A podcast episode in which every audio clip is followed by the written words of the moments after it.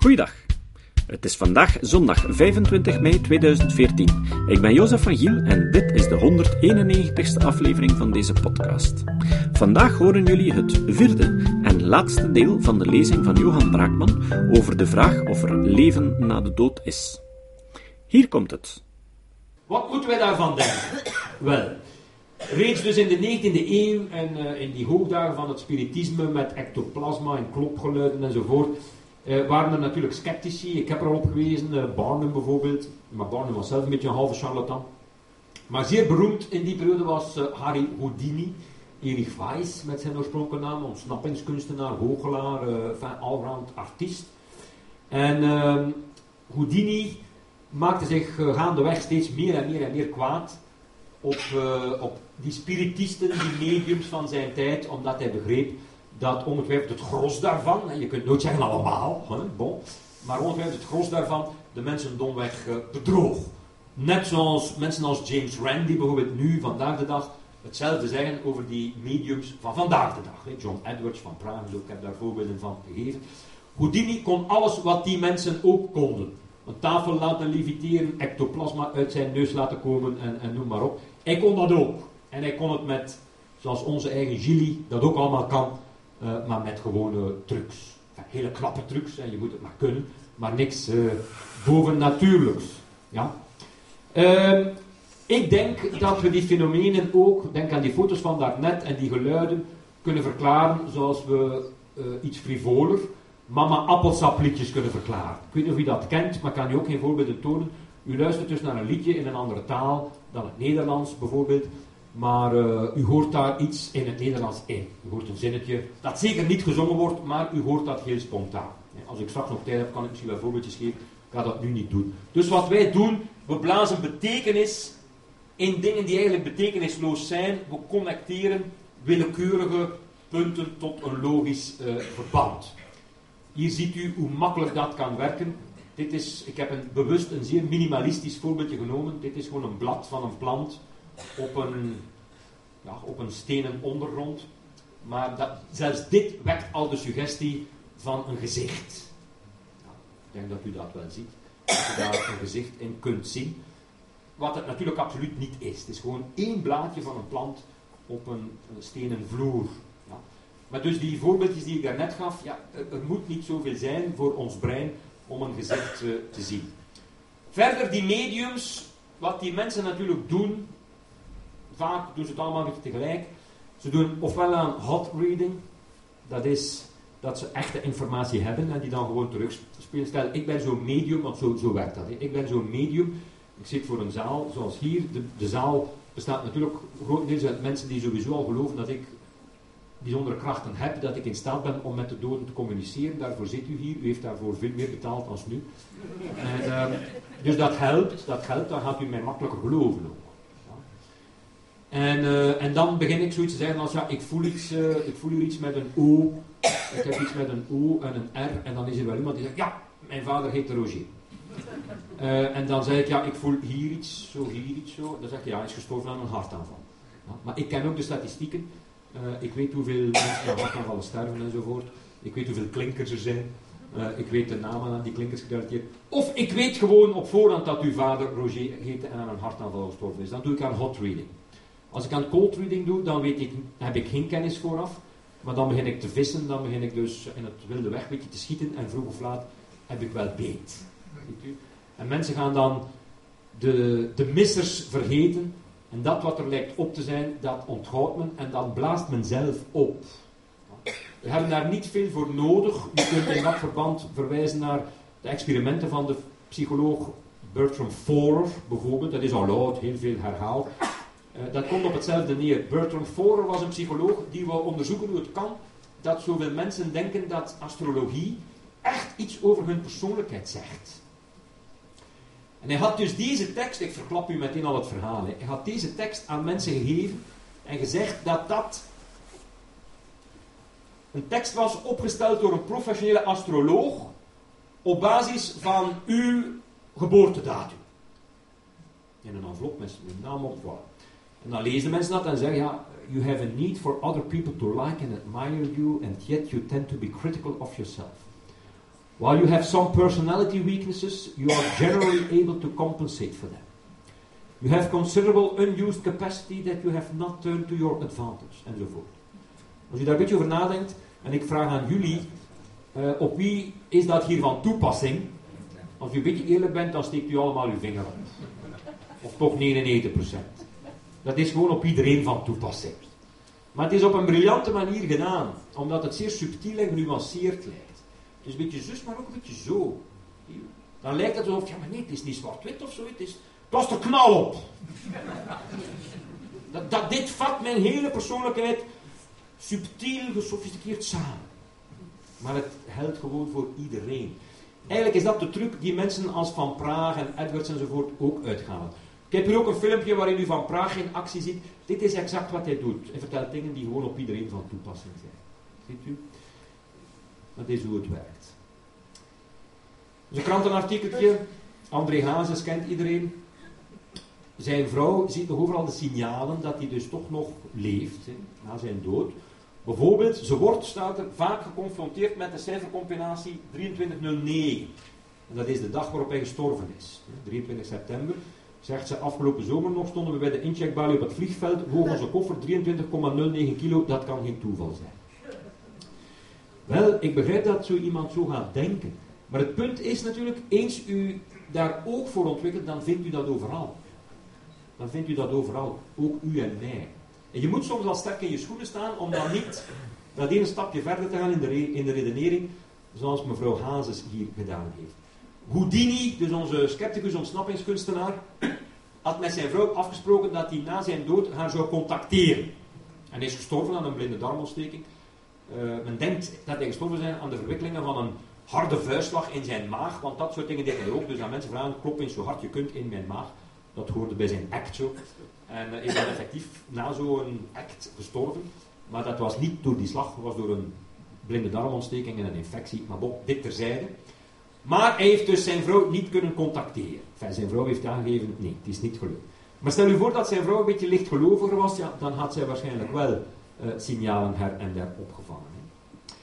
Nog een woord over hoe je spookgeluiden en dat soort dingen verder nog kunt interpreteren. Dus ik heb al gewezen op die mama appelsap-achtige liedjes en pareidolie-effecten. Dus dat betekent dat je dingen zelf betekenis blaast in de dingen.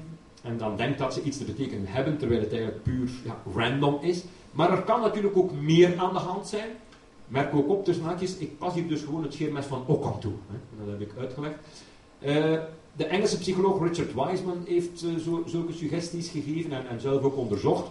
Bijvoorbeeld uh, daar waar mensen zelf aangeven, zo in die typische spookhuizen of spookkastelen, dat ze een zeer spookachtig gevoel hebben of dat ze denken dat ze midden in de nacht bezocht zijn door een, een entiteit, iets paranormaals, bovennatuurlijks, uh, een spook, uh, de geest van een overledene, hoe dan ook. Dan heeft Weisman kunnen vaststellen dat in een deel van de gevallen het misschien kon verklaard worden, die ervaringen van die mensen, door infrageluid. Dat is geluid dat hij dus niet bewust hoort, maar dat daar wel degelijk is, dus met heel lage uh, frequentie. En dat wel degelijk een effect kan hebben op u. Dus u, voelt zich een beetje creepy zo, uw haren gaan overeind staan, u voelt zich ongemakkelijk, alsof er dus een entiteit in de ruimte is. I feel a presence. Maar in feite is het gewoon het infrageluid dat u opvangt, maar u, u, weet dat zelf niet. Dit opnieuw is iets wat je empirisch kunt testen. En Weissman heeft dat ook gedaan, door mensen, ja, verschillende groepen met controle bloot te stellen aan infrageluid en hen dan te vragen, heeft u het speciaal gevoel enzovoort. En het bleek wel duidelijk significant een effect te hebben. Dus dat soort dingen kan misschien verklaren waarom zoveel mensen aangeven dat ze het gevoel hebben van ja, bezocht geweest te zijn door iets bovennatuurlijks. Dit heeft u misschien zelf ook al gespeeld, ik moet daar toch ook iets over zeggen. Een Ouija-bord wordt dat genoemd. Uh, dat is een bord uh, waarmee u dus de geesten kan oproepen. U zit daar rond, u maakt het een beetje donker. U zet daar een glas op omgekeerd. Iedereen legt daar een vinger op en dan gaat dat. En, en u vraagt naar contact met spoken. En, en als u geluk heeft, dan begint uw glas vanzelf te bewegen. En dan en kan u vragen stellen en dat glas schuift dan naar letters en zo worden antwoorden gevormd. Ik kan niet vragen wie dat hier allemaal gedaan heeft, want dat is voor sommige mensen misschien gênant. Maar ik heb het zelf nog gedaan. uh, lang geleden, en dat werkte.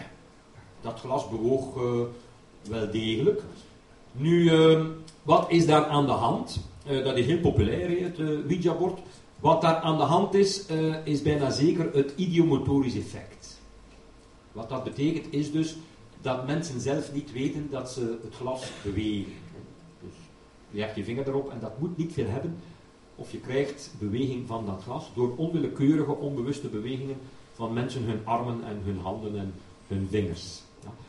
Als die mensen niet weten dat het bord wordt omgedraaid, dus als je een vraag stelt, hebben wij contact, eh, dan gaat u, en uw glas beweegt, dan is het ergens logisch dat het naar yes gaat.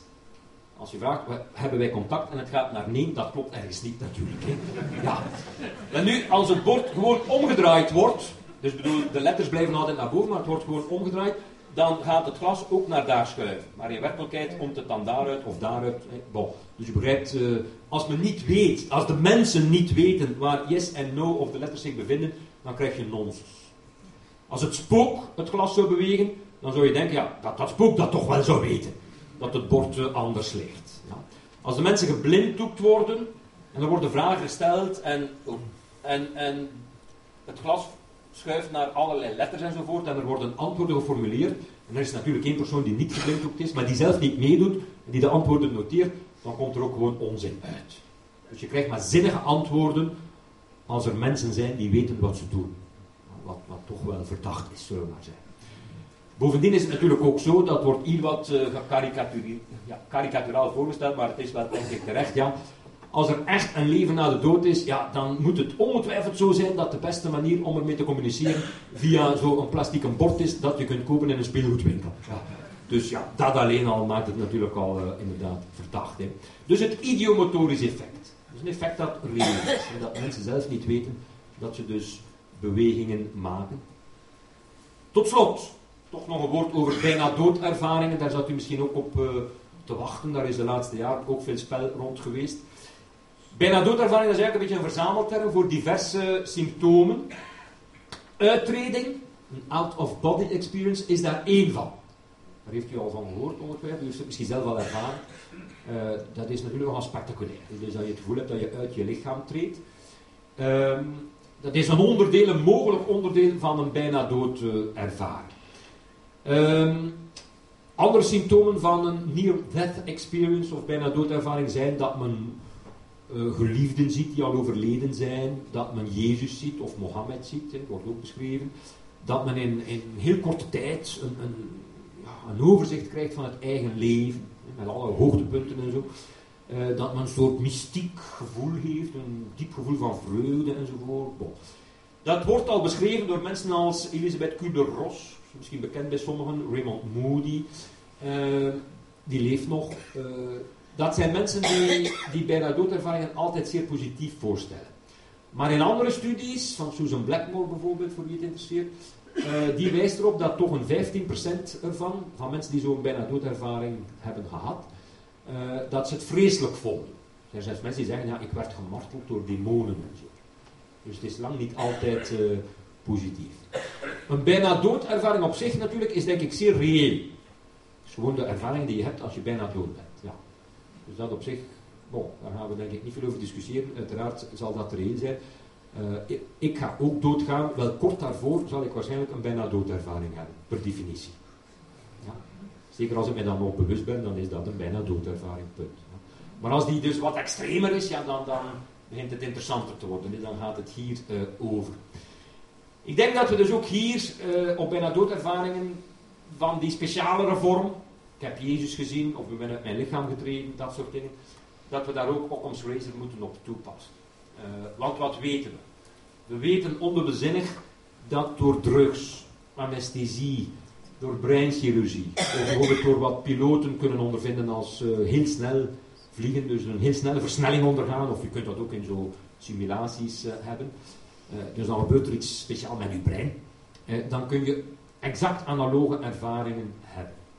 Ook is het zo dat de getuigenissen van mensen die verzameld zijn soms pas veel later komen, dan worden ze natuurlijk wat uh, dubieuzer.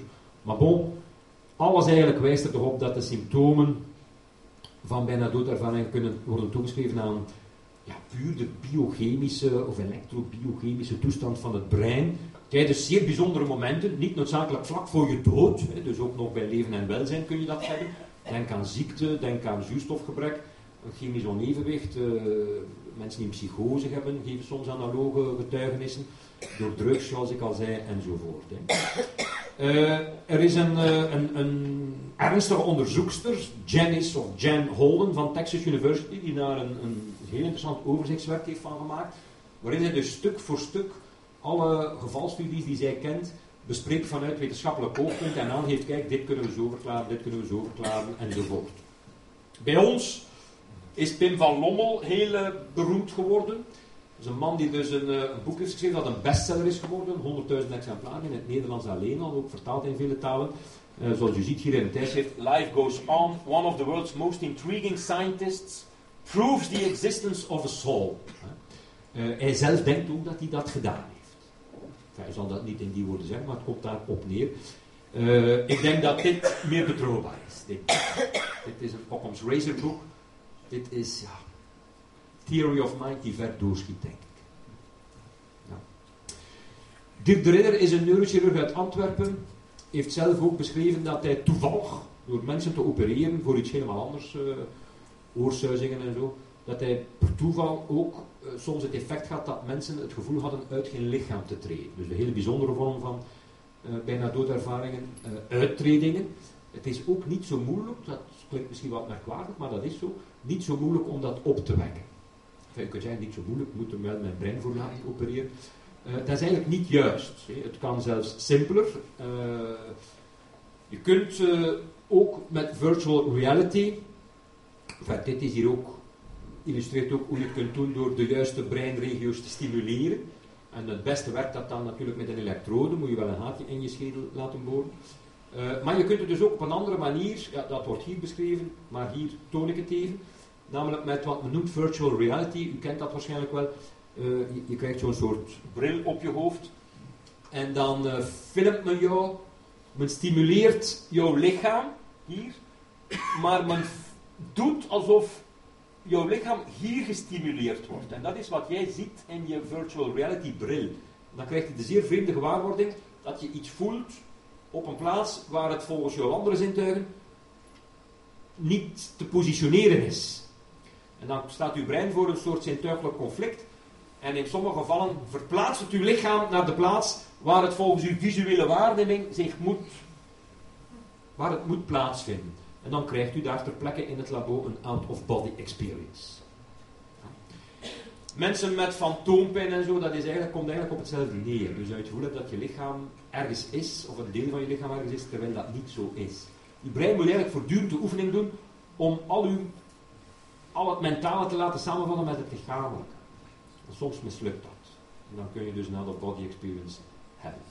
Ik vat hier nog even Dick Swaap, de Nederlandse hersenwetenschapper Dick Swaap, samen ik citeer hem hier, die dus uh, zijn bespreking van alles wat Pim van Lommel over bijna doodervaringen heeft gezegd. En Pim van Lommel heeft gepubliceerd in de Lancet daarop. Was zeer zwaar bekritiseerd ook.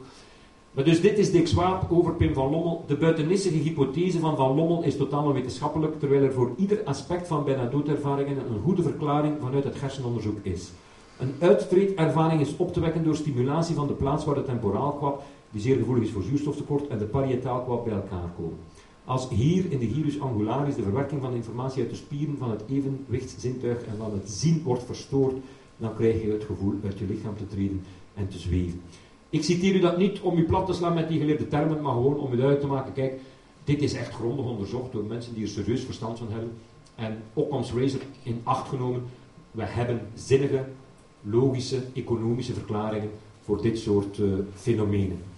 Gary Swartz is een andere academicus die ja, afterlife experiments doet, die mediums heeft onderzocht. Sommige daarvan als echt verklaard. Hij denkt uh, dat ze scoren boven het toeval als ze bijvoorbeeld uh, dingen zouden weten over u of uw overleden grootmoeder of grootvader en zij kennen u niet. Uh, dit is ook fel bekritiseerd. Het komt erop neer. Herinner u dat Forer-effect als een astrologisch profiel dat volkomen uit de duim gezogen is voor ongeveer ik denk dat de studies aangaven, ruim 70 of tot 80 procent van de mensen blijkbaar volkomen accuraat is. wel dan is het ook niet zo moeilijk om te begrijpen dat die mediums ook zeer hoog lijken te scoren. Veel mensen geven ook aan, ja, maar dat is ongelooflijk wat hij allemaal niet wist. Maar als je het grondig onderzoekt, dan hoor je zeggen dan, hij wist onmiddellijk dat mijn grootvader Roger heette. Maar het is dan soms letterlijk zo, als men dat filmt en achteraf bekijkt, dat dat medium eerst 15 andere namen heeft gezegd. Letterlijk. Maar de mensen komen buiten en een maand later zeggen ze, maar het is ongelooflijk, hij wist onmiddellijk dat mijn grootvader Roger heette. Als je dan zegt, dat is niet waar, het was pas bij de zestiende keer dat hij wist dat het Roger was, dan geloven ze het niet. Als jij dan de beelden toont, ja, dan moeten ze het wel toegeven natuurlijk. Ja. Conclusie, want mijn tijd is op. Leven na de dood in de psychologische zin dus. Daar heb ik in het begin lang, lang bij stilgestaan. We kunnen dat natuurlijk onmogelijk uitsluiten. Maar ik denk dat we nu met de huidige stand van kennis wel kunnen zeggen dat de bewijslast bij de believers ligt. Dus mensen die er echt in geloven, zo iemand als Pim van Londen, let op, van Londen heeft hard zijn best gedaan. Ian Stevenson heeft hard zijn best gedaan. Gary Swartz doet misschien hard zijn best. Maar het is duidelijk voor de wetenschappelijke gemeenschap niet overtuigend genoeg. Het is niet omdat de wetenschappelijke gemeenschap dat niet wil aanvaarden. U moet dat beseffen. Het is niet omdat de wetenschappelijke gemeenschap blind of dogmatisch of zo is. Want moest iemand echt overtuigend bewijs voor leven na de dood hebben, ja, dat zou nogal wat zijn, hè? Natuurlijk zouden we dat aanvaarden. Dat zou de ontdekking niet van de eeuwen, van alle eeuwen zijn. Als we daar een beetje over nadenken. Dan moet daar niet lang over nadenken. Dat spreekt voor zich. Dus het is niet dat men dat niet wil aanvaarden. Het is gewoon dat het zeer ongeloofwaardig is. En dus dat, ja, het is een extreme bewering, dus moet uw bewijs ook navenant extreem zijn. En op dit moment is het niet extreem navenant. En het is ook duidelijk dat vandaag de dag met onze kennis de bewijslast echt niet ligt bij de sceptici, maar bij degenen die er wel in uh, geloven. Als u mij dan de vraag stelt, hoe komt het dat zoveel mensen erin geloven? Wel, dan zou ik terug moeten keren naar mijn verhaal van in het begin. Namelijk, het is eigen aan de menselijke psychologie. We hebben theory of mind en in feite heb je niet veel nodig, een klein duwtje. En naast een aantal andere factoren, psychologische mechanismen die ik heb besproken, je gaat eigenlijk spontaan geloven in het verder bestaan van het psychologische, ook al is het lichaam uh, verdwenen. Zo, ga het hierbij laten.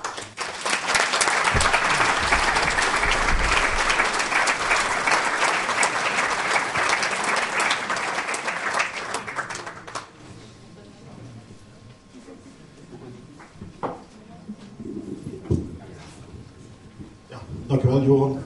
Uh, we hebben uh, slechts één wandelmicrofoon, uh, maar wellicht nog wel tijd voor een aantal vragen. Stelt u die luid op en Johan zal met één of twee duidelijke knoppen antwoorden. Wie heeft een vraag?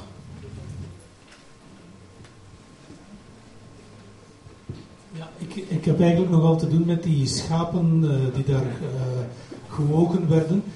Heeft de wetenschap ooit dan proberen te onderzoeken wat die gewichtstoename, waar die gewichtstoename vandaan kwam bij het doden van een schaap? Want dat lijkt mij een zeer interessante case. Ja, ik weet het niet. Het is een goede vraag. Uh, die man zelf, Hollander, geeft zelf aan dat hij dus het niet uh, verder kan verklaren. En het is bij mij weten niet herhaald. Dus in zijn wetenschappelijk artikel geeft hij aan dat hij geen idee heeft. In, in informeler geeft hij wel aan dat verhaal van die zielen. Maar ik kan er u niet op antwoorden. Maar het kan ook meerdere factoren hebben. Je, die metingen zijn niet altijd even betrouwbaar. Ja. Uh, die weegschalen, uh, noem maar op. Dat was toch een zeer recente studie? Dat was recent, jaren 90, ja. Dus dan hebben we natuurlijk al meer verfijnde meetinstrumenten, dat is wat u bedoelt, dat juist. Maar die man, en ik zeg dat nu met alle respect, maar die, die doet dat letterlijk in zijn schuur. Dus ja, maar, maar bon, eh, we zouden, uh, we zouden het wetenschappelijk verder moeten exploreren. Het probleem is ook een beetje dat in de wetenschap zelf men daar dan zijn neus voor gaat ophalen. Dat men dat te onnozel vindt of zo. Uh, maar eigenlijk iemand zou dat moeten doen. Ja. En misschien is het al gebeurd, maar ik heb, het verder niet, ik heb er verder niks over gevonden. Sorry. Ja.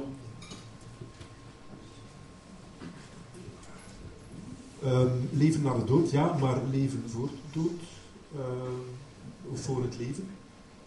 Uh, daar is, is, daar ook onderzoek naar geweest. Voor het ontstaan van het, leven. dus ja, voor mijn geboorte ja. weet ik ook niet of ik ergens gezeten heb. En kun je dat dan ook niet vergelijken met wat er gaat zijn na de dood? Ja, absoluut. Ik denk dat uh, veel van wat ik heb verteld ook op die vraag van toepassing kan zijn. er is natuurlijk de reïncarnatie-kwestie, daar ben ik wel even op ingegaan. Dus mensen gaan zeggen, sommige mensen gaan zeggen, veel mensen, honderden miljoenen mensen misschien, zouden zeggen, ja, maar je hebt al geleefd uh, voor je dood, maar je bent het misschien vergeten.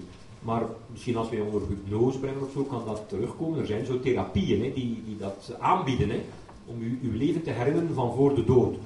Ik denk fundamenteel uh, botst het ook op het probleem dat, uh, dat informatie een drager moet hebben en het is niet duidelijk hoe dat dan ja, van het ene organisme na de dood van dat organisme dan in, in uw lichaam of in mijn lichaam. Dus in die zin is mijn verhaal wel toepasselijk ook op die vraag.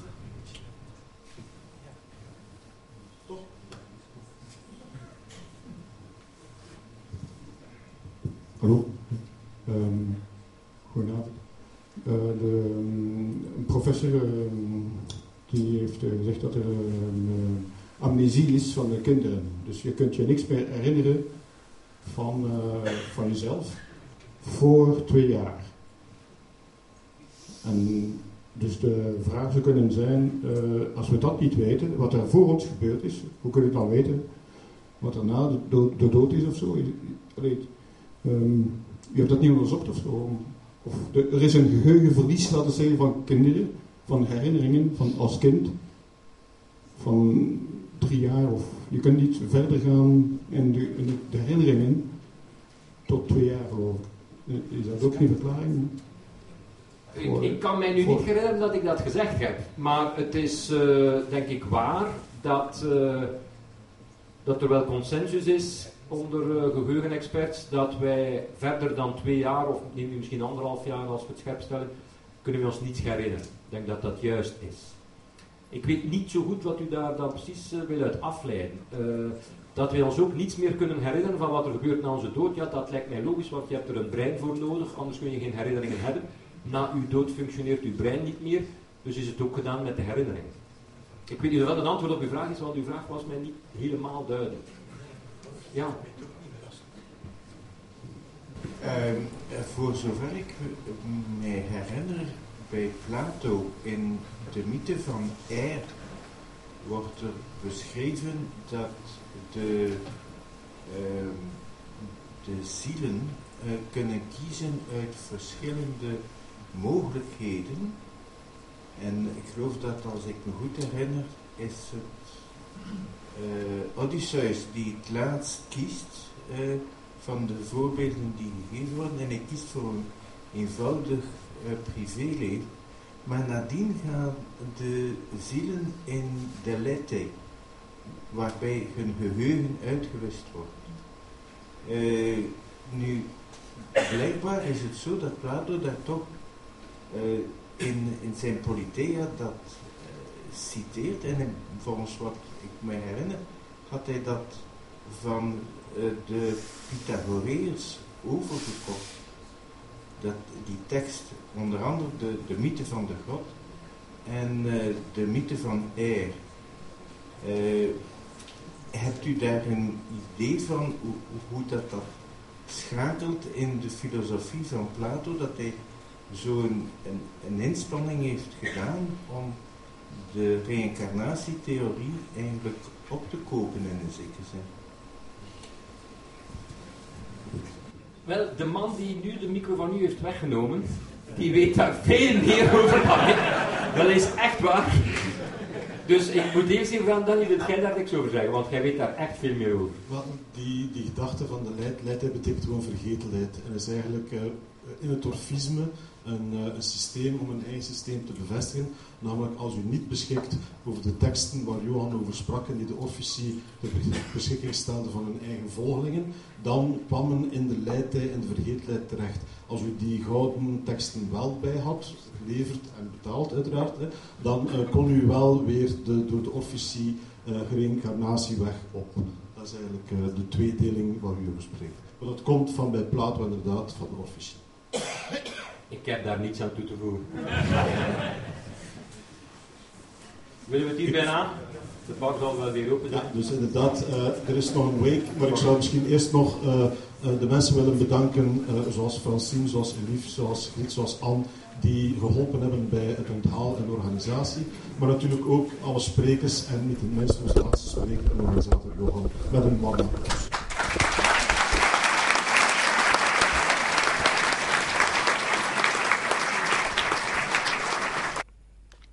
Het citaat.